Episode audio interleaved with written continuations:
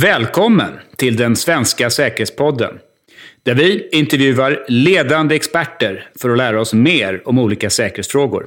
Med mig, Carl Allerstedt, ansvarig för säkerhetspolicyfrågor vid Svenskt Näringsliv. I detta avsnitt kommer vi att fokusera på Kina.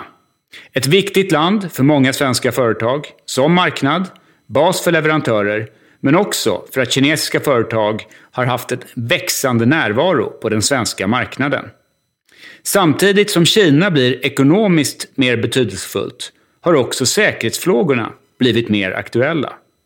Det finns en oro kring cyberspionage, uppköp av känsliga företag och Kinas roll inom kritisk infrastruktur. Vad bör företag känna till om detta? För att svara på dessa frågor har vi med Jerker Hellström i detta poddavsnitt. Jerker är en ledande Kinakännare som har varit verksam som journalist för Reuters i Kina, varit Kina-analytiker vid Totalförsvarets forskningsinstitut och sedan ett år tillbaka driver han Swedish Center for China Studies. Avsnittet spelades in den 26 februari 2021. Välkommen till den svenska säkerhetspodden, Jerker. Tack. Jag tänkte innan vi börjar, eh, skulle du kort kunna berätta om din bakgrund och om The Swedish Center for China Studies som du driver? Absolut. Ehm, jag eh, kom för ett år sedan ganska exakt från eh, Totalförsvarets forskningsinstitut, FOI, där jag jobbade som analytiker i tio år. Um, och uh, dessförinnan så jobbade jag inom, inom journalistiken uh, och var korrespondent för Reuters. Uh, min Kina-bana började egentligen med att jag började läsa kinesiska för 30 år sedan eh, och jag studerade i Peking, eh, arbetade i Shanghai, då som korrespondent för Reuters. Um, så att det är totalt fem år, men försöker resa dit med, med jämna mellanrum. Um, på, på senare år lite mer sällan. Ehm, men ehm, Swedish Center for China Studies, då eh, SCCS, ehm, började jag då på i samband med att det drog igång för ett år sedan i februari. Vi arbetar med analys och rådgivning som är anpassad specifikt för behov i näringslivet. Och man kan säga om SCCS eh, är ju relevant att tänka på att vi drog igång i samma veva som Covid-19 eh, började spridas från Kina. Eh, så det var egentligen inledningen på den här verksamheten hade ganska mycket att göra med covid-19 och fortfarande i och med att pandemin är en så pass stor fråga så är det någonting som vi, vi tittar på nära. Ehm, I övrigt så är det ju fokus på industripolitik, alltså Kinas satsningar på eh, högteknologi och mycket handlar om det som vi pratar om eh, lite slappt som decoupling mellan USA och Kina som ofta uppfattas som att det har startats av, av USA men såklart det är en långvarig strategi från kinesiskt håll. Så det försöker vi förstå. Eh, en, en rapport som vi kom ut med alldeles nyligen handlar om Kinas rekrytering av forskare och entreprenörer eh, som egentligen då innebär att man flyttar sin verksamhet till Kina. Eh, vi tittar på smarta städer, vad det innebär från ett kinesiskt perspektiv. Ehm, och en annan fråga av många, många andra så eh, tittar vi på Kinas satsningar på digital valuta. Och det är centralbanksdrivet. Ehm, försöka förklara varför man satsar på det här. Ehm, vilka konsekvenser det medför, inte minst för Europa. Och, och där är ju såklart hela tiden att det är specifikt vad näringslivet behöver veta som vi fokuserar på. Men därför blir analysen också såklart viktig för politiska beslutsfattare jag tänker här, eh, om vi tittar på Kinas imponerande tillväxt och en befolkning på närmare 1,4 miljarder så har ju Kina sedan många år legat i ekonomiskt fokus, både som en växande inhemsk marknad och som ett produktionscenter för globala marknader. Men de senaste åren har Kina alltmer hamnat i fokus vad gäller säkerhetsfrågor. I och med Kinas växande militära muskler har spänningen med USA ökat. Kina anklagas för att bedriva systematiskt cyberspionage mot omvärlden. Och det finns en tilltagande oro att Kina använder sin ekonomiska kraft för att öka sitt geopolitiska inflytande globalt. Dessutom verkar det kinesiska kommunistpartiet har rört sig i en än mer auktoritär riktning de senaste åren. Västvärlden verkade nästan lite tagna på sängen av Kinas snabba utveckling till något som verkar utgöra dess mäktigaste ideologiska, ekonomiska och säkerhetspolitiska rival. Är en upptrappning av spänningar mellan Kina och väst en oundviklighet? I värsta fall kan vi komma att se ett nytt sorts kallt krig i framtiden där Kina istället för Sovjetunionen utgör det nya stora säkerhetshotet? Det är såklart en extremt svår fråga och det är många frågor i en så att säga. Eh, och det handlar väl lite grann om vilken tidshorisont man rör sig inom. Vi kommer att se upptrappningar av spänningen, vi kommer att se avspänning också under kommande år, kommande decennier.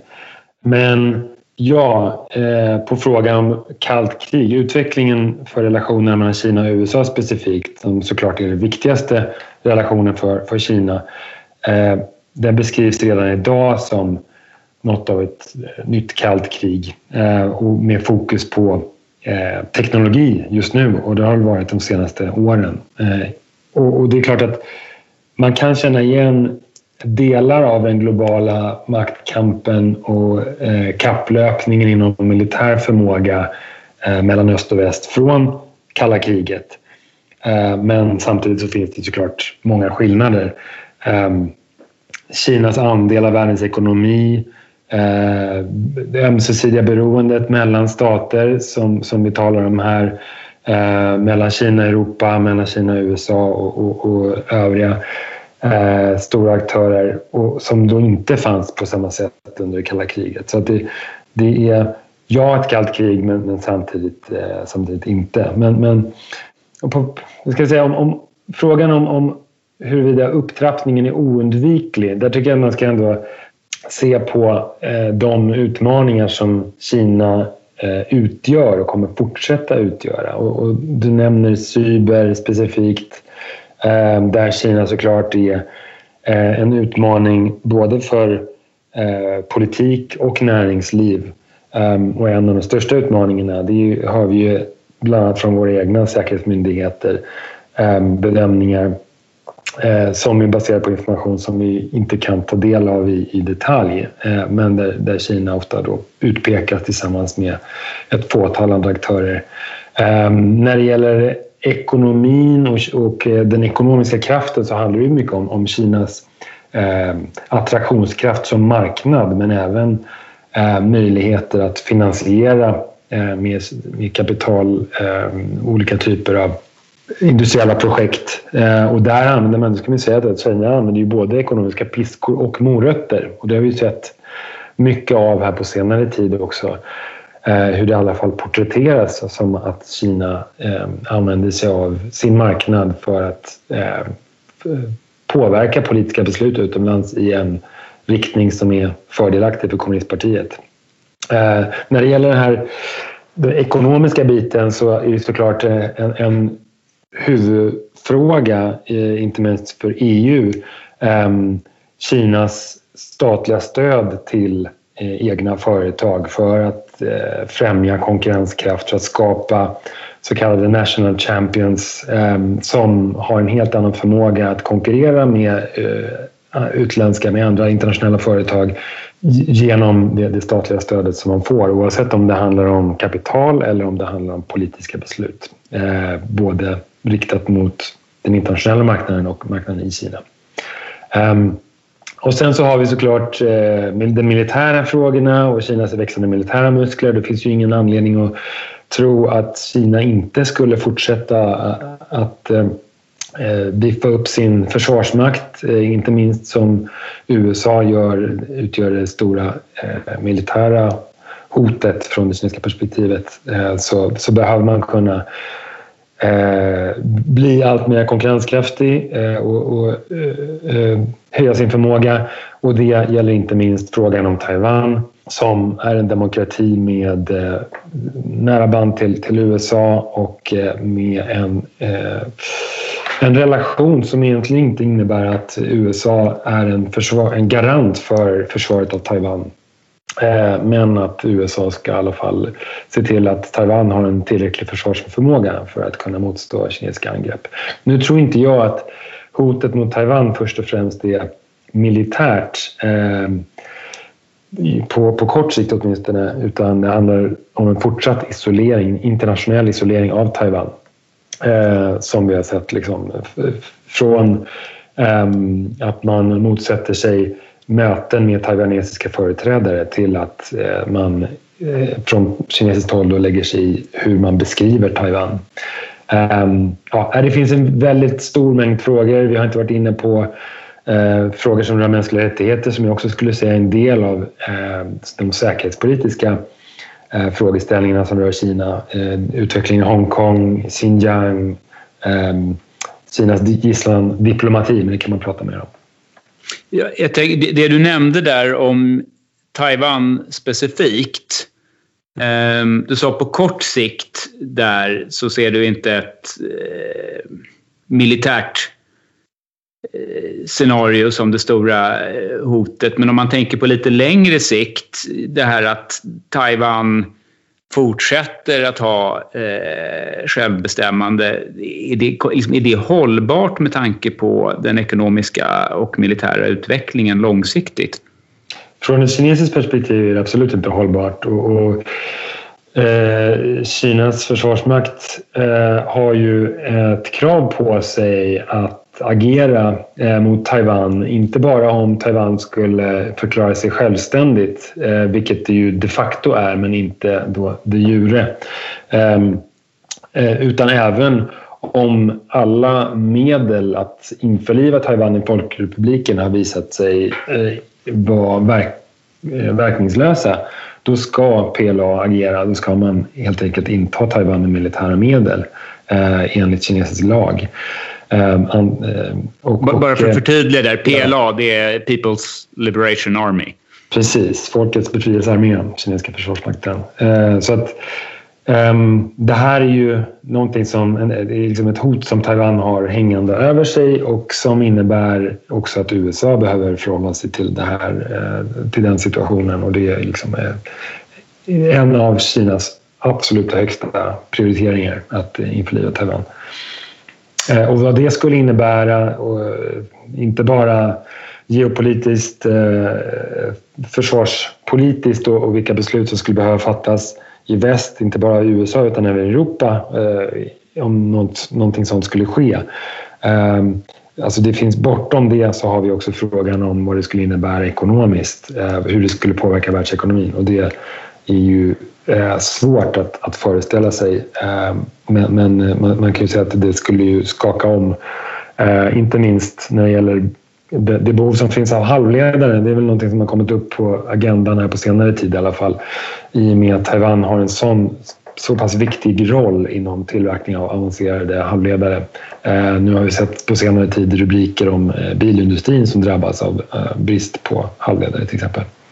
Eh, det här med ekonomiska relationer och just det här att man uppfattar... Det, det är kanske inte riktigt samma spelregler som gäller för olika aktörer här. Du nämnde det här med eh, att man satsar på eh, eh liksom State Champions, stora statliga företag. Eh, man har en förmåga att liksom koordinera och styra ekonomin på ett helt annat sätt och finansiera eh, verksamhet man anser då är, strategiskt intressant. Vi har det här med industrispionageanklagelserna.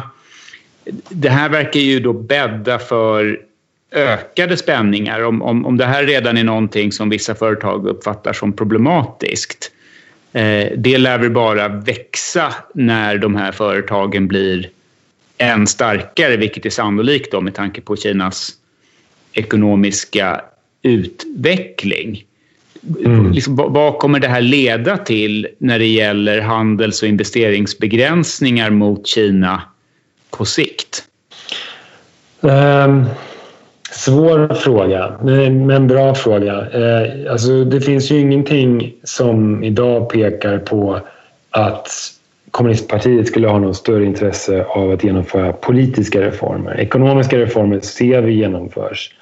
Eh, även om det såklart inte sker i den takt som man hade kunnat önska sig från, från europeiskt håll. Men eh, den statliga styrningen, det statliga stödet till den kinesiska industrin har visat sig vara i Kinas intresse. Det har lyckats. Man har inte stött på så pass mycket patrull som man hade kunnat kanske förvänta sig lite så här i retrospekt. Ehm, så jag tror det är av intresse för Kina att eh, uppfattas som en global spelare som följer internationella spelregler.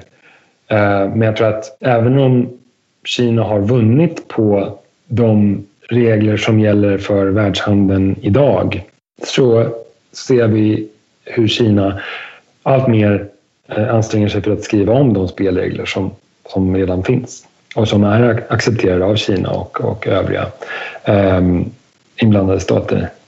Så att eh, jag tror att mycket av det vi kommer att se framöver handlar just om hur det internationella regelverket eh, anpassas efter kommunistpartiets intressen snarare än att kommunistpartiet eh, anpassar sig efter det internationella regelverket. Du, du, sa någonting som jag tyckte var intressant tidigare där när det gällde decoupling. Att uppfattningen har ju lite varit att det här var någonting som initierades på amerikanskt initiativ. Men du, du antydde att eh, detta nästan har varit ett långsiktigt mål eh, från Kinas sida. Kan du utveckla det lite? Eh, precis. Ja, nej, men jag tycker det är, är viktigt att, att, ta upp. Eh, och, och, det handlar ju mångt och mycket om att först eh, skydda kinesiska bolag eh, när, när de har stora internationella konkurrenter från den internationella konkurrensen och stödja dem både först till att börja med på hemmamarknaden eh, och senare eh, för den internationella expansionen. Um, ett, ett exempel på det är ju såklart hur eh, Ericsson hade en större marknadsdel i Kina tidigare när Huawei fortfarande var i sin linda. Eh, då tillät man eh, en, en, större marknadsandel för internationella företag. Eh, och i, idag så, så handlar det mer om att de kinesiska företagen enligt vissa bedömningar då har över 90 procent av, av marknaden i Kina eh, medan övriga internationella får, får slåss om de resterande 10 procenten ungefär. Eh, där eh, kan man se det även i, i andra sektorer. Så att, eh, när man ser öppningar i enskilda branscher i Kina nu för utländska investeringar, då handlar det om branscher där man redan har en tillräcklig statlig kontroll. Det vill säga att det finns kinesiska konkurrenter redan på plats som kan hävda sig i konkurrens med utländska företag. Så det, eh, när vi nu talar om granskning av investeringar med hänsyn till eh, nationell säkerhet så handlar det i det kinesiska fallet minst lika mycket om eh, att man begränsar utländska investeringar för den egna konkurrenskraftens skull. Och om vi vänder på och tittar då på den svenska eller europeiska sidan. För där har vi ju haft nu eh, förbud mot kinesiska aktörer delta i uppbyggnaden av eh, 5G-näten i flera länder, inklusive eh, Sverige såklart. Um, om, om du tittar i din kristallkula där, liksom, kan du tänka dig att vi har fler eh, liknande förbud på, på andra områden i, i framtiden? Uh, ja, det, det, kan man nog förvänta sig att vi kommer att se vilket gör också att det blir allt viktigare från eh, det kinesiska hållet att motverka en sån utveckling. Och, och det tror jag förklarar delvis eh, de reaktioner som har kommit efter eh, PTS beslut i oktober. Men sen så EU är ett, ett exempel. Eh, andra länder eh, jobbar på andra sätt. Eh, säg Vietnam till exempel. Där får kinesiska leverantörer inga kontrakt i 5G-nätet men det behöver inte förklaras i och med att de vietnamesiska operatörerna är statligt ägda. Så det är helt enkelt så att man behöver inte ha någon lagstiftning, man behöver inte ha, gå ut öppet med att säga vad som händer utan det är helt enkelt bara att man håller bolagen ute genom eh, att inte ge dem några kontrakt. Eh, I andra länder Så, ja, I Sverige till exempel så då, då antar man en lagstiftning som eh, då hänvisar till nationell säkerhet eh, där i slutändan är myndigheter som Säpo och Must i det här fallet som då ska, eh, det vill säga Försvarsmakten och Säpo, kom, inkomma med underlag till PTS eh, som då fattar beslut baserat på nationell säkerhet. Eh, sen i andra Eh, länder så agerar man på annat sätt eh, där man inte lutar sig mot lagstiftning. Eh, så det, det, finns en hel räcka olika sätt att göra detta men i slutändan så handlar det om hänsyn till nationell säkerhet och kritisk infrastruktur. Men då om man tänker handelsregler, det blir ju någonstans om man kan förhindra företag på en marknad genom att man helt enkelt kan påverka eh, företagen så att man säkerställer att vissa inhemska leverantörer vinner kontrakten jämfört med i vissa andra länder då, där man kanske har en tydlig lagstiftning som tvingar fram samma resultat. Det blir ju då lättare domstolsmässigt kan man tänka sig för Kina då att klaga på svenskt eller eh, olika västländers beteenden. Men det blir ju väldigt svårt att kräva någon sorts prövning bara för att svenska eh, företag exempelvis förlorar kontrakt i Kina. Det är väl eh, väldigt, väldigt svårt att bevisa att det är något sorts statligt beslut bakom det. Absolut, och jag tror att det, är där vi kommer att se mycket av den här utvecklingen och eh, kommer att spela ut sig i domstolar. Ehm, jag tror att det är det verktyget som finns eh, för Kina eh, som såklart eh, utländska företag inte har samma möjligheter i Kina där rättssystemet ändå sorterar under kommunistpartiet. Så att hur det kommer att ske i Europa till exempel, det får vi se för att det är fortfarande i sin linda. Det vi har sett i Sverige är väl som jag förstår det mer eller mindre avklarat. Ehm, men det här kan fortsätta eh, på hög nivå. Det kan fortsätta i Bryssel ehm, och i enskilda eh, medlemsländer för den delen också. Ehm, där man då hänvisar till handelsregler, till Eh, Eh, att, att, helt enkelt man äh, försöker att bemöta argument om nationell säkerhet med argument om frihandel. Jag tänker just på det här 5G-beslutet. Det, det har ju också kommit signaler om möjliga repressalier från kinesiskt håll. Eh, hur riskabel är en ökad spänning med Kina för svenska företag med verksamhet eller marknadsandelar i Kina. Kan, kan de här företagen bli politiska påtryckningsinstrument för att försöka ändra svenska beslut? Eh, det tror jag absolut är kalkylen. Eh, att näringsliv, att företag ska påverka politiken eh, i en riktning som då är, är i Kinas intresse. Eh, men det här är såklart ingen ny strategi. Eh, det här har vi sett länge. Man kan gå tillbaka till ja, men liksom 2008 när Kina skulle ha sitt förra eh, OS ehm, där Frankrike ehm, Ja, det var ju eh, då Sarkozy som eh, reagerade på protester i Tibet som slogs ner. Det var blodigt nedslag av protester i mars 2008 Eh, OS-invigningen var ju den 8 augusti. Så att han eh, gick ut med att han inte skulle vara närvara på eh, invigningen varpå det utbröt stora protester eh, som uppenbart eh, statligt sanktionerade i alla fall att man tillät protester eh, i, Eh, vid Carrefours olika varuhus Eh, och en bojkott av Carrefours eh, produkter. Det är som, om man går tillbaka till 2008, man kan gå tillbaka mycket längre, men därefter så har Danmark drabbats av det här. Norge har drabbats. Ehm, Japan eh, har ju drabbats på olika sätt. Och nu på senare år eh, även, även Sverige och Australien är, såklart ett stort fall också. Men frågan är bara hur mycket av det här i slutändan blir av och hur mycket handlar om att skapa rubriker för att eh, påverka politiska beslut eh, och näringslivsbeslut i vissa fall, eh, företagsbeslut eh, i, i andra länder. Och jag skulle säga att det är mer av ehm, spel för gallerierna. Ehm, tittar vi på Frankrike, det här fallet 2008. Eh, Carrefours omsättning ökade med 13 procent eh, och i slutändan så deltog Sarkozy i invigningen. Eh, så att man eh, la sig helt enkelt eh, för de kinesiska påtryckningarna. Ehm, men, men Carrefour påverkades inte ändå. I danska fallet då handlade det om att danska statsministern skulle träffa Dalai Lama.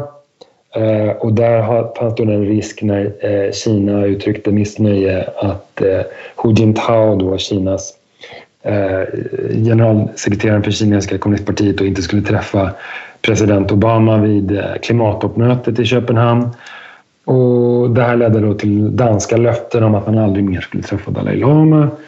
Eh, norska fallet är det kanske det mest välkända med Nobelpriset, fredspriset eh, 2010 Ehm, som ledde till ett väldigt tydligt kinesiskt missnöje.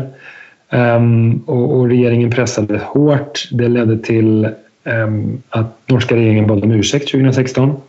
Men eh, tittar man på det som Kina hotade med att straffa Norge med, nämligen Eh, att handeln, att norskt näringsliv skulle påverkas så, så skedde en 50-procentig ökning av norsk export till, till Kina mellan 2010 och 2015. Ehm, och, och, ett av de absolut största förvärven som ett kinesiskt företag någonsin har gjort, eh, genomfört i Norge, skedde under den här pågående utfrysningen av Norge. Så att jag skulle säga att Kina på många sätt bedriver en asymmetrisk strategi där man i, i vissa fall faktiskt agerar utifrån de hoten som man eh, kommer, alltså att man helt enkelt genomför repressalier enligt det man har sagt. Um, och i det svenska fallet med 5G-beslutet som man specifikt riktat in sig på Ericsson och svenska företag.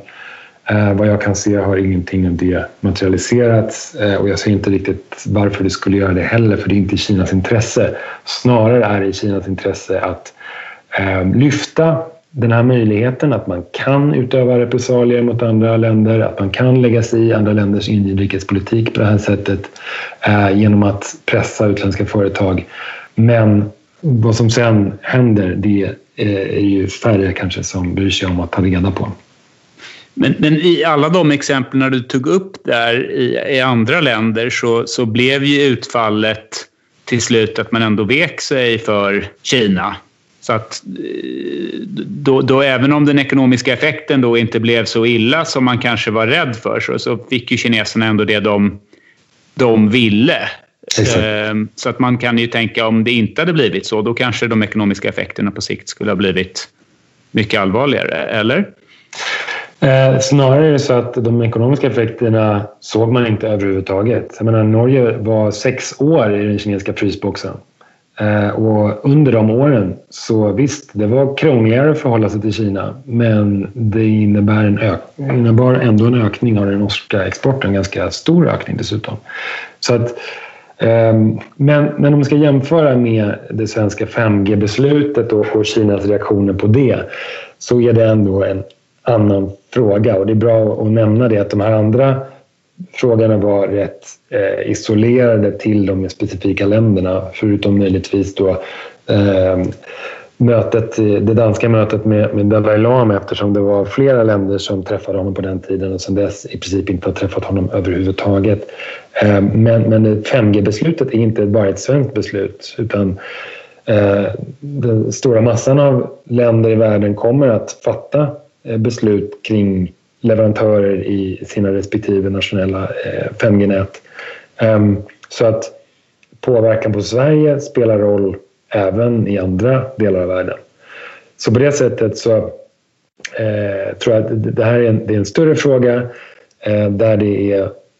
Egentligen hade, det, hade man kunnat tänka sig att det skulle vara i, i Kinas intresse att, att också visa att man Eh, att sätta ner foten och, och angripa Sverige eh, direkt för att skrämma andra länder till att, på, att, att helt enkelt anpassa sina beslut kring 5G efter Kinas intressen. Men samtidigt så vill ju Kina uppfattas som en, eh, ett ansvarstagande land, en, en ansvarstagande stormakt ehm, som förhåller sig till internationella spelregler och inte använder sig av handelspolitiska verktyg när det passar. Men, men om vi just 5G, det, det som är, skiljer sig då för Sverige, det, det är en av de få länderna som faktiskt har 5G-teknologi. Så där blir väl vi en kanske mer intressant aktör. Och sen om man tänker då på just Sverige, vi är ett litet exportberoende land och Svenska Dagbladet, det var ju för något drygt år sedan, de hade sammanställt då att tittar man bara på de sex största industriföretagen inom Wallenbergsfären så hade de en Kina-relaterad omsättning på, på eh, ungefär 130 miljarder eh, 2018. Eh, hur, hur sårbara är vi i relation till andra länder och hur intressanta är vi som en måltavla just kanske för att vi sitter på viss teknik som, som andra inte gör? Ja, alltså det här är också ett problem från det kinesiska perspektivet att vi har eh, företag inom 5G. Att eh, Huaweis största konkurrent är ett svenskt företag. Um, för att det kan ju också uppfattas av andra länder som bestraffning av Ericsson innebär att det, det är äpplen för äpplen helt enkelt. Eh, det vill säga att länder som inte har några konkurrenter till Huawei eh, i, de behöver inte oroa sig på samma sätt som Sverige. Där, där blir det på något sätt en, en, tydlig bild av att man blandar samman eh, ekonomiska intressen med, med politik. Men när det gäller Sveriges beroende av Kina eh, när det gäller export så visst, eh, Kinas andel av den svenska exporten ökar. Men det här är inte bara ett svenskt intresse av att handla med Kina utan det swings both ways så att säga. Så att, eh, Kina investerar i Sverige, Sverige investerar i Kina och vi handlar med varandra. Eh, jag tror det fortsatt är ja, i intresse, i Kinas intresse att eh, hålla de eh, banden igång. Eh, det stora intresset är att visa att det finns en risk att om man inte förhåller sig till Kinas, till kommunistpartiets intressen så finns det en risk att man drabbas. Och därför känner jag också att det är viktigt att slå hål på den myten. För jag skulle vilja säga att det är ganska mycket av en myt eh, att eh, Kina kommer att agera på ett sätt som eh, är väldigt kännbart om man inte hela tiden har Kinas och kommunistpartiets intressen i bakhuvudet när man fattar beslut. Jag tror att det är Eh, ett sluttande plan om man eh, börjar tänka i de banorna, vilket jag tror att vi har gjort för länge sedan, tyvärr. Mm. Eh, jag tänker, en sak är ju liksom det direkta handelsberoendet där, men sen för multinationella företag är Kina en viktig hubb för export till tredje land så att effekten blir ju mycket större än bara liksom den direkta handelsrelationen Sverige-Kina. Ehm, så att, och där just ett land som har många multinationella företag som Sverige blir väl då någonstans, även om jag förstår att du säger att till viss del så ska man kanske inte se det som ett tomt hot, men man, man ska inte oroa sig lika mycket för det som, som vissa kanske verkar göra. Men det, men det visar ju då att det har varit en effektiv strategi än så länge från Kina. Att man får aktörer att anpassa sig eh, trots allt. Helt klart har varit det. Och, tittar vi på andra länder som är beroende av Kina så tycker jag man kan lyfta fram Tyskland där såklart den tyska bilindustrin eh, är så pass exponerad mot Kina att det är till väldigt hög grad påverkar tyska politiska beslut som rör Kina och därmed också europeiska beslut med tanke på att Tyskland är EUs eh, största ekonomi och därmed har eh, mycket att säga till om i Bryssel. Um, så att Sverige eh, behöver förhålla sig till eh, företags eh, intressen i, i Kina. Det, det är ju helt förståeligt och, och, det är vi långt ifrån ensamma om. Um, men jag tror att Eh, i det stora hela, om vi, ja, om vi tittar på just eh, som du nämnde leverantörskedjor så man frigör sig inte från Kina och det finns inte eh, heller något intresse av att göra det.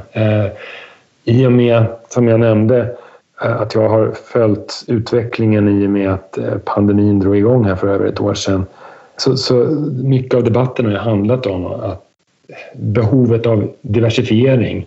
Inte nödvändigtvis att man drar hem tillverkning eller forskning och utveckling eller eh, försäljning liksom, från, från Kina eh, och flyttar över helt och hållet till andra marknader utan det handlar om att se över eh, riskexponeringen. Och, och, och, där är jag tror jag att må, många företag eh, på olika håll i världen som har känt ett behov av att göra det och det handlar inte alls bara om risken för repressalier som vi pratar om nu, det är en väldigt liten del av det hela. Men jag tror att risken för repressalier borde bli en mycket mindre del i, i kalkylen. Eh, men, men även om den här risken då för repressalier borde vara en mindre del av, av kalkylen, vilka sorts repressalier mot, mot företag skulle, liksom, vad, vad, skulle vara eh, de mest sannolika repressalierna man skulle kunna se? Eller som man har sett exempel av tidigare? Ja, vi kan ju titta på tidigare exempel och, och det, ofta är det ju smärre saker som ja, egentligen krånglar till det för företag.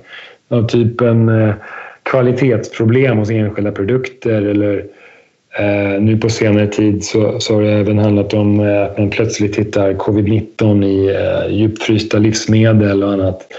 Um, jag minns inte exakt vad man har använt för svepskäl till att eh, införa strafftullar mot eh, både nötkött och vin och korn och med flera produkter från Australien. Men eh, det är ju väldigt lätt att hänvisa till kvalitetsproblem hela tiden. Så det, det, är en sån sak när det gäller produkter. Men sen så, eh, eftersom du hela tiden är beroende av eh, goda relationer med, med staten för att få de eh, intyg du behöver för att de kontrakt du behöver skriva på sig där.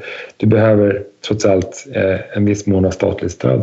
Ehm, så det finns eh, en enorm palett av möjligheter att krångla till det och därmed eh, få, eh, i alla fall från det kinesiska perspektivet, en, en möjlighet att eh, sätta press på regeringen i utlandet genom, genom företagen. Och det kan man se till exempel i det norska fallet mellan 2010 och 2016 att eh, där vågade inte Norge byta ut sin ambassadör under hela den, den perioden. Så att, eh, det blev en väldigt lång tid för den norska ambassadören i Peking eh, och, och, många eh, skojade mellan skål och vägg om att eh, han blev väldigt bra på, på tennis för att det var inte så mycket annat för honom att ägna sig åt. Ehm, en, en, lite oroande utveckling det gäller ju utländska affärsmän i Kina som kan råka illa ut och, och blir då eh, politiska eller diplomatiska eh, redskap i, i eh, Kinas konflikter med andra länder. Skulle du kunna belysa det lite? Um, Ja, alltså det är ju hela tiden förhoppningen att eh, det är det som ska vara resultatet av påtryckningarna eh, mot eh, andra länder och deras företag. Att, att man ska kunna egentligen värva talespersoner. Ehm, men sen så tycker jag liksom att man ska även lyfta den här frågan om gisslandiplomati som har blivit ett begrepp eh, som bara förknippas egentligen med, med Kina. Det finns även andra auktoritära stater som använder sig av det men, men, men just i, i det kinesiska fallet så har vi bland annat då, eh, en irländsk affärsman som eh, har då varit eh, inspärrad utbyte mot, eh, ja, eller snarare som en reaktion på eh, ett, ett fall i Irland som rör en kinesisk medborgare. Eh, och, och, att man helt enkelt använder sig av den här påtryckningarna genom att man griper utländska medborgare. Gui Minhai-fallet är ett sånt som såklart är det kanske som är högst upp på agendan för, eh, för Sverige. En svensk medborgare som har suttit gripen sedan 2015 och numera dessutom har förvägrats sitt eh, svenska medborgarskap numera.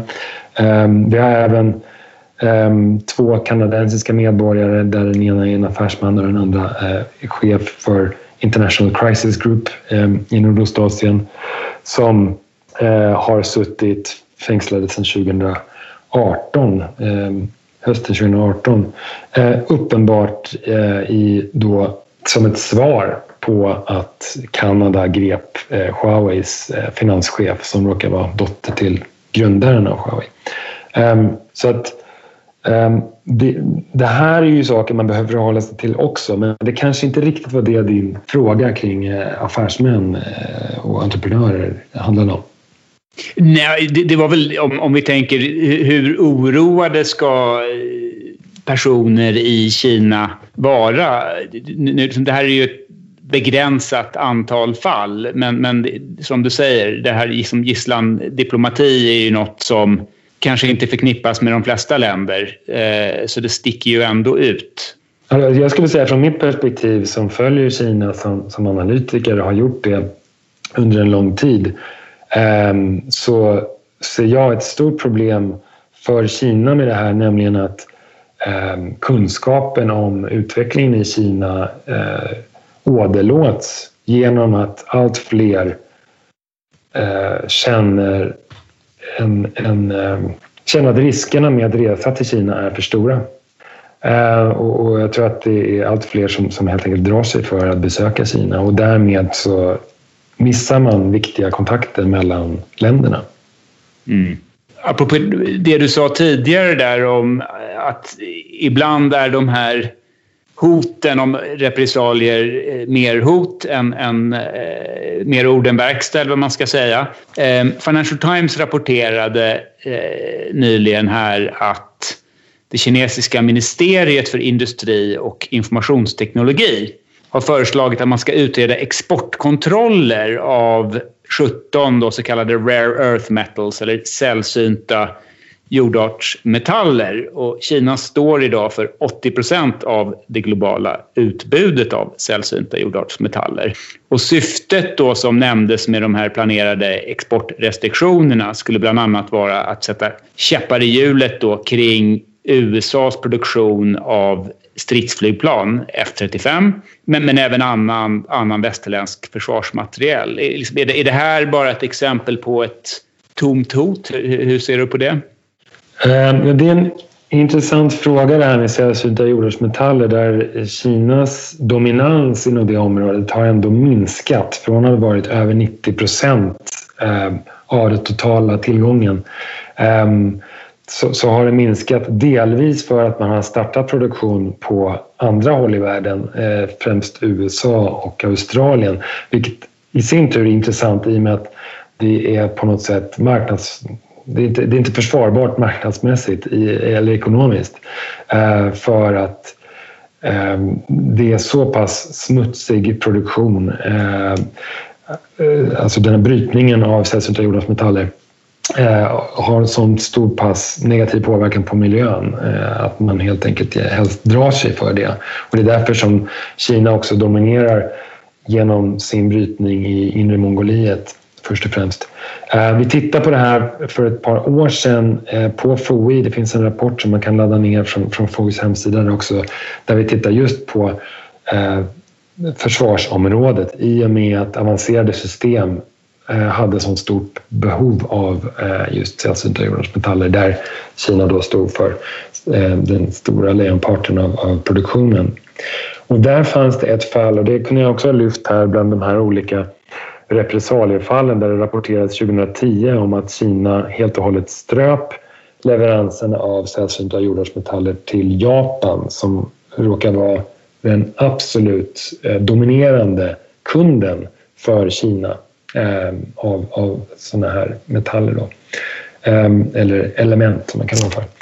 Eh, men eh, det, det, är lite oklart vad som egentligen hände där. Det handlar alltså om eh, repressalier enligt rapporteringen eh, som riktar in sig på gripandet av en kinesisk kapten utanför Senkaku eh, som är en ögrupp i Östkinesiska havet som kontrolleras av Japan och som Kina har anspråk på. Och att eh, det helt enkelt skulle vara en del av det. Och, och där tycker jag är också intressant att se hur, eh, hur Japan eh, agerade. Jag tycker ändå när vi är inne på den frågan så, så handlar det inte om att Japan bad om ursäkt för någonting eller, eller la sig platt utan eh, tvärtom. Så, så ledde det till en debatt i Japan om att man borde diversifiera, diversifiera från eh, Kina och satsa på eh, import av sällsynta jordartsmetaller från andra delar av världen. Och då såklart eh, i och med att USA och eh, Australien startade upp produktion på nytt så, så eh, fanns det sådana möjligheter. Så man satsade motsvarande 4 miljarder svenska kronor på att eh, diversifiera den här importen. Ehm, och dessutom så ledde det här till att japanska investerare också flyttade över en del kapital till Indien och eh, ASEAN och det är ju någonting som vi ser fortsätter även nu. Men, ja, förlåt. Nej, för det, för det verkar ju vara en risk med en sån strategi att om man sitter på, om man är då eh, världens verkstad och börjar man använda den här möjligheten att begränsa exporter, då, då, kommer ju det på sikt leda till att man helt enkelt accelererar processen, att folk flyttar ut produktion eller eh, man ersätter beroenden mot Kina mot, mot andra beroenden istället. Så, så det verkar ju lite kontraproduktivt om man använder det för mycket helt enkelt. Det är hela tiden en balansgång såklart, där Kina har ett intresse av att industrier stannar kvar, att företag stannar kvar och bedriver sin forskning och utveckling och så vidare, eh, sin produktion i, i Kina. Eh, så att Eh, men, men, i det här fallet med sällsynta jordartsmetaller så ska jag, det tror jag är viktigt att poängtera att eh, det är fortfarande oklart huruvida Kina faktiskt eh, begränsade exporten till Japan. Men oavsett det så ledde det till japanska, Eh, en, en omvärdering av eh, det japanska beroendet av, av Kina. Hur, om vi tittar på andra länder, för det är Japan och Östasien, där har ju eh, vad jag förstår eh, företag redan börjat den processen för några år sedan och nu med covid-situationen, eh, förväntar du dig att det kommer bli en liknande utveckling när det gäller eh, europeiska och amerikanska företag? Att man också, kanske inte att man inte då liksom drar ur eller lägger ner, men att när man utvecklar ny förmåga att man gör det på andra ställen helt enkelt? Det fanns många sådana förväntningar i eh, liksom början på den här pandemin, i våren 2020 eh, och under sommaren. Och, och Ehm, men, men egentligen är det Japan som faktiskt har satsat på eh, att med statliga medel eh, locka japanska företag att, att flytta till andra eh, marknader, inte minst vad det gäller produktionen. Ehm, men mycket ligger i att den produktion som sker i Kina är för den kinesiska marknaden. Så att jag, jag skulle säga att den diversifiering som man ser nu eh, är enbart kopplad till eh, behov hos vissa företag att finnas eh, geografiskt på plats i de marknader som, som man, där man säljer sina produkter helt enkelt. Och i och med att så så många företag ändå har eh, produktion och eh, marknad i Kina så, så finns det mindre mm, möjligheter och intresse där att, att, att flytta eh, till, till, till annat håll. Men, men vi kan se till exempel ehm, det är väl, i, I och med amerikanska påtryckningar eh, så har ju TSMC, Taiwans eh, halvledarjätte, flyttat eh, produktion till eh, USA. Eh, Åtminstone ökat sin produktion i USA. Men i och med att efterfrågan är så stor så handlar det mindre om eh, flyttning av produktion än, än att man nystartar helt och hållet produktion. Det här, om vi går tillbaka till det här med sällsynta jordartsmetaller som ett område då där Kina tillgodoser väldigt stor del av, av, av, världens behov. Vad finns det för andra områden där Kina förser omvärlden med nyckelförmåga och skulle kunna orsaka problem om de valde att strypa kranarna. Det är såklart att det är många eh, komponenter som Kina eh, som unikt tillverkas eh, i Kina. Ehm, jag har inga jättebra ingångar där. Jag har inte tittat på den frågan närmre men det är klart när det gäller insatsvaror till läkemedel så, så finns ju eh, den frågan eh, till exempel. Eh, och vilka möjligheter då som då finns att eh, sköta den tillverkningen på annat håll i världen kan inte jag säga utan då behöver man nog gå in på eh, mer eh, detaljerade områden. Mm. Om, om, vi byter spår lite, eh, någonting som är lite annorlunda med Kina det är ju eh, att kinesisk lagstiftning innebär att kinesiska medborgare och företag har en skyldighet att samarbeta med kinesiska säkerhetsmyndigheter. Hur ser du att det här kan påverka företag med verksamhet i Kina eller företag som, som anställer kinesiska medborgare? Ehm, ja, det handlar ju då om underrättelselagen från 2017 som jag skulle nog eh, kunna tänka mig att man bittert ångrar i Peking att man eh, antog eftersom man därigenom har svart på vitt eh, det som andra stater och företag redan borde ha förstått. Ehm, så att mm, man, man, kunde väl i alla fall starkt ha misstänkt att det fanns sådana krav på kinesiska företag och kinesiska medborgare att man då skulle dela med sig eh, av eh, den information som eh, kinesiska eh, säkerhetsmyndigheter då skulle utkräva eh, och, där, och dessutom såklart inte ha någon möjlighet att eh, berätta att man gjorde det heller. Det finns ju även stipulerat i lagen. Men, men det här blir ju någonting som blir väldigt krångligt för Kina och, och kinesiska företag att hävda sig mot när, när det faktiskt finns en sån lag. Um, och, och, inte minst gäller det uh, företag i, i 5G-sektorn där, där uh, och andra uh, högteknologiska företag, IT-bolag um, ehm, som, som helt enkelt... Det finns egentligen inget motargument när man då men när den här liksom risken lyfts att man skulle samarbeta med den kinesiska säkerhetstjänsten. Um, men, men, så att det är mer på den nivån. Jag skulle inte säga att egentligen borde inte lagen påverka i någon större mån utan att det här eh, borde ha varit en risk som man redan tog höjd för. Eh, i, I vilken mån man, man gjorde det eh, som man borde ha gjort. Det, det, kan inte jag säga, men eh, jag, jag, skulle inte säga att mycket har förändrats i och med lagen. Nej, och som du säger då att eh, man kan ju utgå ifrån att det här redan skedde innan. Så det verkar ju, det är ju lite märkligt det här att man har det just svart på vitt eh, när man kunde göra det ändå. Så liksom, vad, vad, vad, tror du resonemanget var kring det här? Varför valde man att, att öppet lagstifta på det sättet? Eh, ja, man har i alla fall valt att inte översätta den från kinesiska och ofta så, så kan man faktiskt uppfatta att det, det eh, ses i, i Kina som, eller i, i, av kinesiska myndigheter som ett sätt att eh, göra det mindre tillgängligt för utländska analytiker att helt enkelt strunta i att översätta.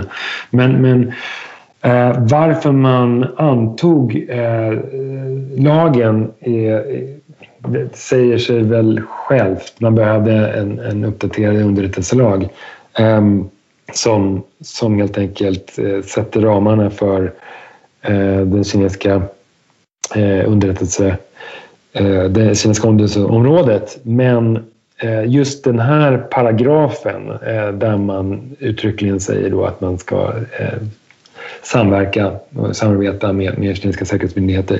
Det tror jag att man... Eh, oklart vad som låg bakom eh, de tankarna och varför man tyckte att det var en bra idé att inkludera det. Jag kan i alla fall säga att det har inte varit i Kinas intresse att eh, ha det med i en lagtext.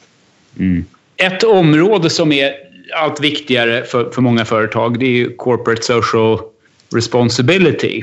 Och då om vi tittar på Kinas agerande när det gäller mänskliga rättigheter, eh, behandlingen av, av eh, igurier, eh, om vi tänker hur man har hanterat säkerhetsskyddslagen i Hongkong eh, och den massövervakningen på, på hemmaplan. Hur kan, kan det här liksom spilla över och skapa problem för företag eh, exponerade mot Kina. Om vi tänker just att globala konsumenter får en mer negativ Kinasyn. Och, och enligt Pews opinionsundersökningar så, så, visar ju de att synen på Kina har blivit eh, kraftigt mer negativ i, i många länder. Kan det här leda till en sorts konsumentdriven press på företag att skala ner verksamhet i Kina? Eh, jag tror att det redan sker idag. Att, man, att konsumenter har blivit mer medvetna om eh, ursprung för de produkter som man köper. Och att, eh, bland annat har vi en kampanj mot eh, textilier tillverkade med, med bomull från Xinjiang som är såklart en stor bomullsproducent. Eh, kanske färre som känner till att en stor del av den tomatketchup vi köper i våra butiker tillverkas av eh, tomater från Xinjiang. Eh, och oklart vad, vad kopplingen är till eh, arbetsläger där. Men, men jag tror att det, det, är en växande fråga. Behandlingen av uigurer nämner du, eh, nationella säkerhetslagen i Hongkong. Ehm, och, och, ja, I vissa fall så handlar det om specifika produkter som kan kopplas eh, och det har vi ju sett liksom i andra tidigare fall också. Liksom, eh, i, vi har eh, franska viner som jag bojkottat och det har varit liksom israeliska apelsiner och allt möjligt. Men, men på Kina, när det gäller Kina så blir det på något sätt bredare i och med att det är så oerhört många produkter som vi har som är made in China. Men eh, om, vi, om vi går specifikt till Sverige så, så stämmer det att eh, uppfattningen om, om Kina här är, är någon slags, ja, nästan världsledande i, i hur, hur, negativa de är. Det är eh, enligt Pews senaste undersökningar så är vi eh, av de länder som är undersökt så är vi näst mest negativa efter Japan. Eh, men jag vet inte, eh, för, för våra egna företag vet jag inte om det ställer till några större problem egentligen. Eh, möjligtvis när det gäller kommunikationen eh, där företag kan oroas över att de kan kritiseras för satsningar i Kina. Men där gäller också att vara proaktiv. Vi kan ju se till exempel H&M som gick ut i samband med att det kom rapporter eh, om, eh, som rörde just eh, produktion av, av bomull i, i Xinjiang och även textilier i Xinjiang. Att man helt enkelt bröt eh, kontakterna, eh, inköpen från, från leverantörer med kopplingar till eh, Xinjiang som, eller, eller där på andra håll i Kina för övrigt där också finns en risk att man då eh, har ett eh, arbete från då, uigurer som tvingas till, till eh, arbete i fabriker. Så att, eh, det är det, men jag tror inte att när det gäller eh, det här med, med, med då, hur företag kan påverkas rent imagemässigt så tror jag inte det är, det är någon större fråga egentligen. Jag tror inte man har påverkats eh, speciellt mycket av eh, den negativa rapportering eh, som förklaras av, av, en negativ utveckling på många sätt eh, i, i Kina. Ehm, det kan bli aktuellt i, när vi närmar oss vinter-OS här nästa år i, i Peking eh, där man på samma sätt som 2008 eh, bedrev en kampanj där man, som man då kallar för eh, folkmordsolympiaden eh, eller Genocide Olympics. I det fallet så handlar det om Kinas eh, stöd för eh, regimen i Sudan och eh, människorättsövergrepp i Darfurregionen. Eh, nu är det återigen Genocide Olympics som är på något sätt parollen men då mot, riktat mot arbetslägren i, i Xinjiang och eh, repression av eh, uigurerna. Um, men, men det då kanske kan man tänka sig att det skulle vara riktat mot sponsorer men så vitt jag vet så finns det inga svenska företag bland eh, OS-sponsorerna. Mm. Det är ju mycket att täcka här när det gäller Kina. Eh, jag tänker ett område, eh, det gäller kinesiska uppköp. Och du var ju själv med och författade en rapport för eh, Totalförsvarets forskningsinstitut om just kinesiska uppköp i Sverige. Och vi har en utredning under ledning av Sten Heckscher som eh, jobbar med att ta fram förslag för granskning av utländska direktinvesteringar. Eh, hur mycket av det här handlar egentligen om just Kina? Och om vi liksom bredda blicken lite utöver just det här och eh, kunna blockera vissa utländska investeringar. Eh, vad ser du för andra potentiella begränsningar när det gäller samarbete med kinesiska företag och kanske även forskare som vi kan se i, i framtiden? Ja, det här är en fråga som har varit väldigt högt på agendan när det gäller Kina i, i Sverige. Och inte minst efter att vi släppte vår kartläggning på eh, FOI eh, av kinesiska bolagsförvärv i november 2019. Um, ehm, och, och, jag vill bara säga kort om den att, att vi lyckades då identifiera 51 majoritetsförvärv och 14 minoritetsförvärv.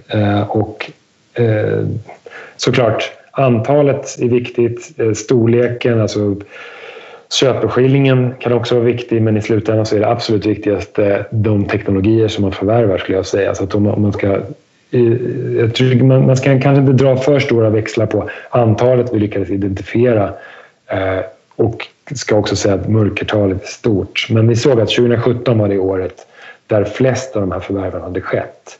Eh, och, och, som sagt då, fokus på teknologier och där tittade vi också på vilka sektorer som var överrepresenterade och där såg vi industriella produkter och maskiner, eh, hälsa, biotech, eh, informations och kommunikationsteknologi, eh, elektronik och fordonsindustri var de sektorer där vi, där vi såg flest av förvärven. Eh, och det återspeglas väl också i många andra länder. Eh, och det är breda sektorer, eh, men, men det, vi, vi, gick inte ner på eh, så mycket mer eh, i detalj på, på förvärven i övrigt. Ehm, men, men det här kan man också säga att det mappar ganska väl med Eh, hur Kina satsar eh, industripolitiskt. Att det var många av de teknologier som bolagen som hade då sålts till kinesiska investerare eh, hade just patent inom de områden där Kina är som mest intresserade av att utvecklas. Inte minst, som jag berört tidigare här, halvledarområdet där det var tre företag åtminstone eh, som just var inne eh, på halvledarsektorn och tillverkar chip, avancerade chip. Eh, när det gäller den här utredningen som du nämnde också, då, Sten Heckschers utredning, så är det ju viktigt att poängtera att den rör ju inte något specifikt land, Eh, vilket är lätt att... Det är lätt att få den uppfattningen eftersom debatten om utländska förvärv i Sverige just har, har fokuserat på Kina, delvis på grund av vår kartläggning också. Men vad utredningen ska komma fram till är hur Sverige ska följa EUs förordning från i mars 2019 eh, som, som då rör granskning av utländska direktinvesteringar. Eh, och där är en intressant detalj också att Sverige hade ett system för granskning av direktinvesteringar från utlandet fram till 92. Men det systemet slopades i och med EU-inträdet även om det inte fanns något eh, krav att göra det. Ehm, men den stora utmaningen skulle jag säga framöver, eh, både för utredningen och sen implementeringen av, av deras slutsatser, är hur man identifierar skyddsvärda sektorer. Vad är det egentligen som inte ska vara tillgängligt för utländska investerare generellt och specifika aktörer som vi kanske i vissa fall ser som rent antagonistiska. Ehm, vilka sektorer, vilka teknologier är det som vi ska hålla på? Det kommer vara en enorm utmaning. Men, men när det gäller begränsningar kring samarbete, eh, både näringslivssamarbete och forskningssamarbete. Det tror jag också att eh, frågor som rör forskningssamarbeten kommer också dyka upp eh, i, i, debatten allt mer. Um, för det finns, jag tror att eh, Universiteten är autonoma och, och eh, där fattas besluten eh, lokalt. Eh, och, och, man behöver någon typ av balanserat säkerhetstänk där man aldrig glömmer frågor som rör säkerhet men samtidigt inte agerar på ett sätt som hämmar eh, internationella forskningsutbyten. Så att eh, det, jag tror att jag är inte säker på att vi kommer att se väldigt mycket av begränsningar men jag tror att eh, diskussionen kommer att fortsätta. Jag hoppas att den kommer att fortsätta och på ett, eh, ett, ett sätt som, som gynnar Sverige. Men eh, om vi tar den här breda framtidsutblicken. Hur, hur, hur, ser du på framtidsutvecklingen? Finns det någon annan sannolik utveckling än att Kinas ekonomiska dominans ökar? Att eh, dess militära förmåga fortsätter att stärkas och att det kinesiska kommunistpartiet fortsätter att hålla ett järngrepp kring den politiska utvecklingen. Och I så fall, hur, hur ska Sverige, EU och de eh, globala demokratierna förhålla sig till den här utvecklingen på, på bästa sätt? Det är väldigt lätt att hela tiden eh, på något sätt förankra sina framtidsutsikter eller scenarier i den, den utveckling som man ser idag. Eh, och det är lätt att stirra sig blind just på, på läget idag och, och, och tro att ingenting kom, kommer förändras. Men jag tror att um, det är svårt att föreställa sig att Kina inte skulle Eh, fortsätta utveckla sin militära förmåga som vi tidigare var inne på också och, och att kommunistpartiet skulle eh, se positivt på politiska reformer också osannolikt. Men det är lite grann beror på hur långt in i framtiden som man blickar och, och vilka specifika sektorer som man tittar på. Men rent generellt så eh, skulle jag säga att när det gäller statliga prioriteringar så är Sovjetunionens sönderfall något som ledarna i Peking har studerat väldigt, väldigt noga och bland annat dragit slutsatsen att eh, steg, alltså avsteg från mer eller mindre total kontroll av medborgarna inte är i partiets intresse. Så att eh, den statliga kontrollen kommer att kvarstå. Politiska reformer, eh, liksom, åt någon typ av västlig demokrati. Det har det kinesiska politiska ledarskapet varit väldigt tydliga med att det kommer vi inte få se. Men att med allt detta sagt så kommer Europa och, och övriga väst att fortsätta ha nära samarbete med Kina. Det måste vara så. Eh, och, eh, men, men förståelsen för partiets prioriteringar är något som vi just nu har börjat att utveckla eh, i, i Europa. Ehm, I, I USA till exempel så här är det någonting som man har tänkt på under mycket längre tid i och med att Kina har varit en sån dimensionerande motståndare. För oss har det först och främst handlat om, om Ryssland. Eh, geografiskt avstånd spelar inte längre så pass stor roll som det har gjort tidigare. Bland annat i och med cyberarenans utveckling och, och, och utvecklingen i, i rymdarenan. Eh, så att på något sätt så eh, tror jag att Kina har flyttat närmare oss och att eh, vi har på något sätt ganska nyligen fått upp ögonen för, för Kina som en eh, aktör eh, och, och, en eh, vad är det man kallar det i, i Bryssel nu? Jo, en, en, eh, både en, en strategisk eh, eh en, en systemrival, eh, systemic rival som man kallar det. Um, så att det är både en samarbetspartner och en rival. Eller, eller som man skulle kanske kalla det på UD, både en möjlighet och en utmaning.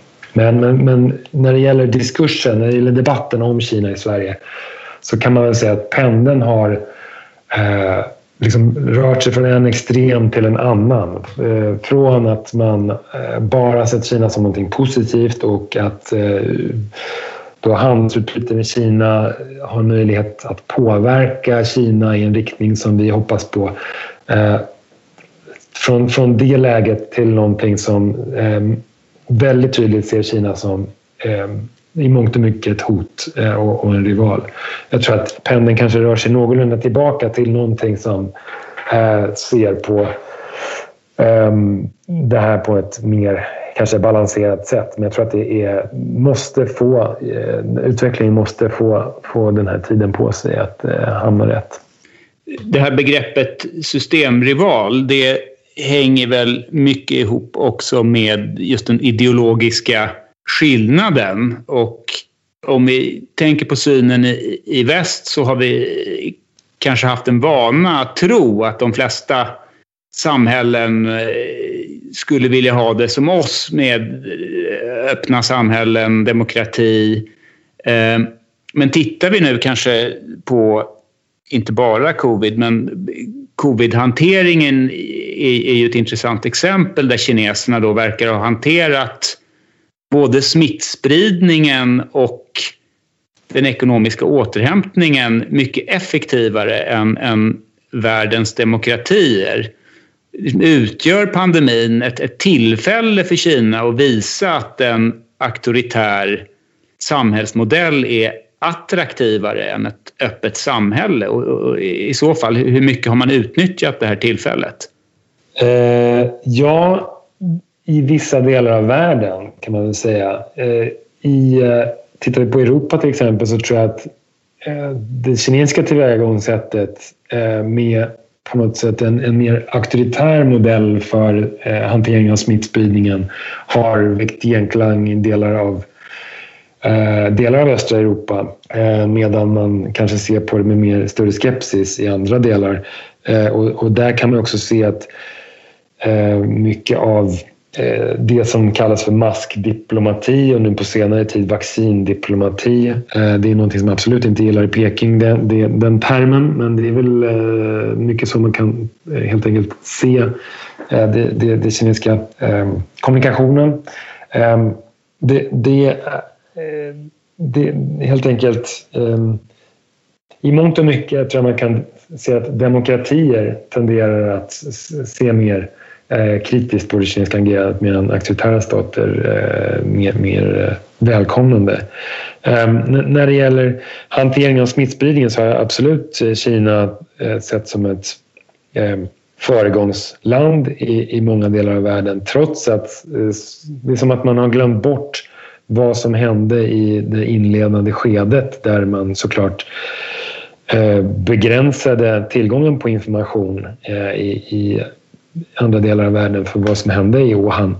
Um, och, och, och, där man kan se till exempel på då i Taiwan som eh, hade eh, sars-utbrottet 2003-2004 som i, i, i färskt minne som, som ett nationellt trauma eh, som innebar att man helt enkelt eh, tog reda på fakta på ett helt annat sätt än man gjorde här.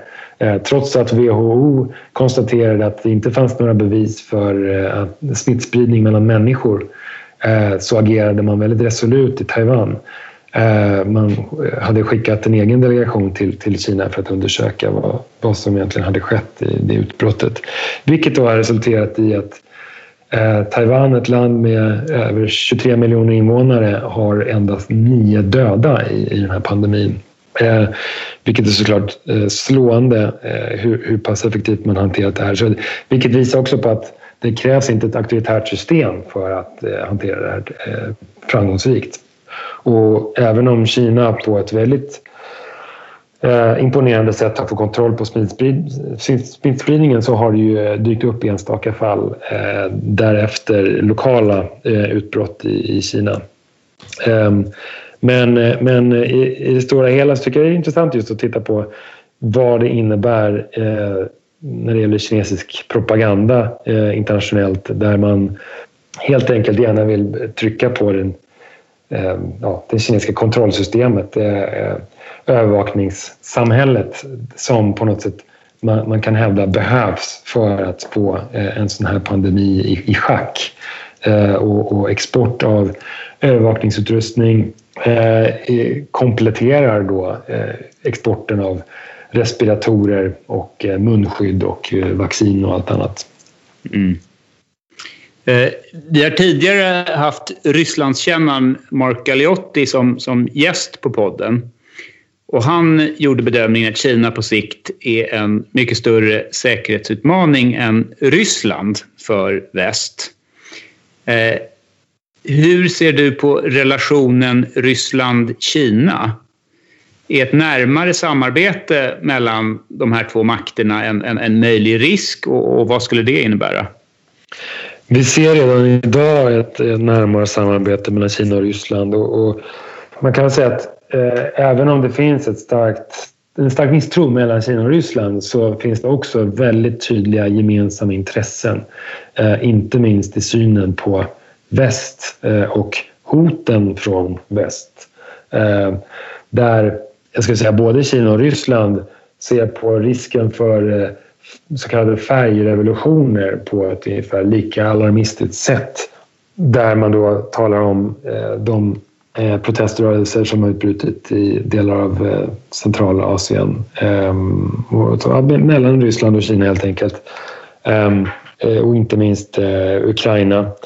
Ehm, och, och, så att man, man, ser helt enkelt att väst har en roll i de här olika protestyttringarna och man på något sätt enas i, i den bilden. Samtidigt så är man ju, i det ju väsensskilda stater om man tittar på Eh, storleken på ekonomin.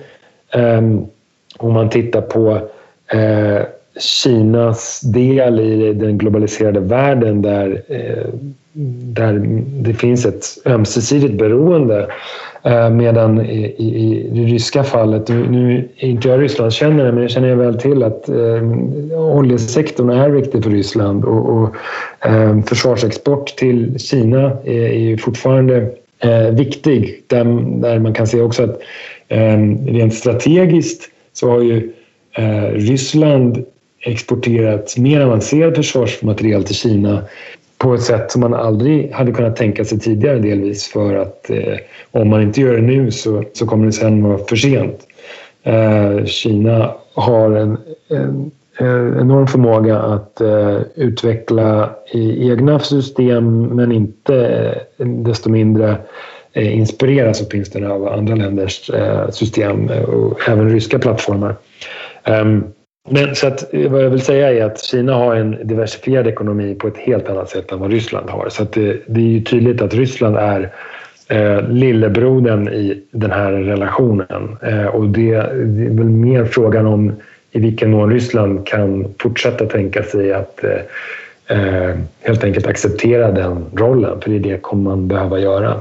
Eh, men jag tror att med de gemensamma intressen, den gemensamma hotbild som Ryssland och Kina har så kommer vi få se ett fortsatt militärt samarbete mellan länderna och eh, därmed så blir det svårt att säga att bara Ryssland utgör ett direkt militärt hot mot eh, Europa. Eh, Kina kommer sannolikt att göra det allt mer. Åtminstone kommer den bilden att utkristalliseras eh, allt mer. Men eh, om vi tittar på Ryssland och Kina då, den här rädslan för färgrevolutioner.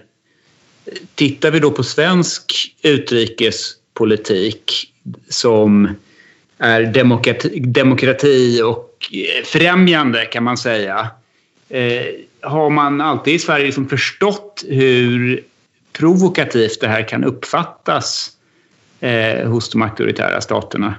Eh, om man har gjort det från ett svenskt perspektiv kan jag inte säga, men, men att eh, eh, civilsamhället eh, i Kina uppfattas som ett direkt hot eh, mot kommunistpartiets intressen. Det har ju blivit allt mer tydligt eh, och det är ju en utveckling som vi har sett länge Eh, men som har blivit allt tydligare under Xi Jinping sedan 2012.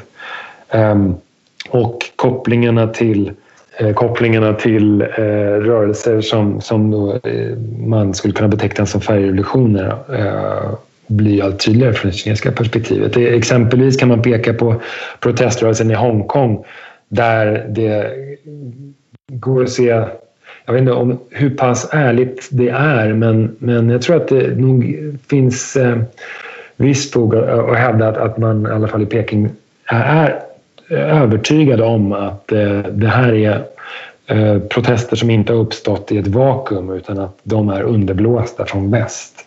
Eh, och det, oavsett hur många bevis man får för motsatsen så kommer det fortfarande vara en övertygelse som kommunistpartiet har Eh, och någonting som man även delar med, med Ryssland.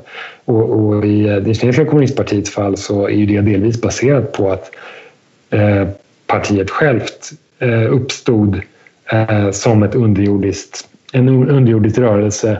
Så att det på något sätt takes one to know one lite grann. Att man helt enkelt är rädd för att eh, möta en, en, eh, ett motstånd som är lika starkt som det man själv stod för i, i eh, början på 1900-talet. Men, men så att det, det, jag tror inte det är mycket som krävs av bevis helt enkelt för att man ska eh, tro det här utan det här ligger djupt förankrat i, den, eh, i kommunistpartiets världsbild. Det uppstod tyvärr ett tekniskt fel i inspelningen av intervjun, så slutet blir lite abrupt. Vi vet inte om det var ett oskyldigt problem med mjukvaran eller om främmande makt ville censurera de sista känsliga Kina-frågorna. Men vi tackar Jerker för att han delade med sig av sin kunskap. Det mesta talar för att Kina-frågan kommer att bli allt viktigare framöver. Och det finns alla skäl för företag med någon sorts Kina-anknytning att följa utvecklingen på flera olika områden. Tack för att ni har lyssnat på Svenska säkerhetspodden med mig, Carl Allerstedt. Om du tycker att detta avsnitt, eller något annat avsnitt, är intressant, tipsa gärna vänner och kollegor om den svenska säkerhetspodden. Tack igen för att du lyssnade.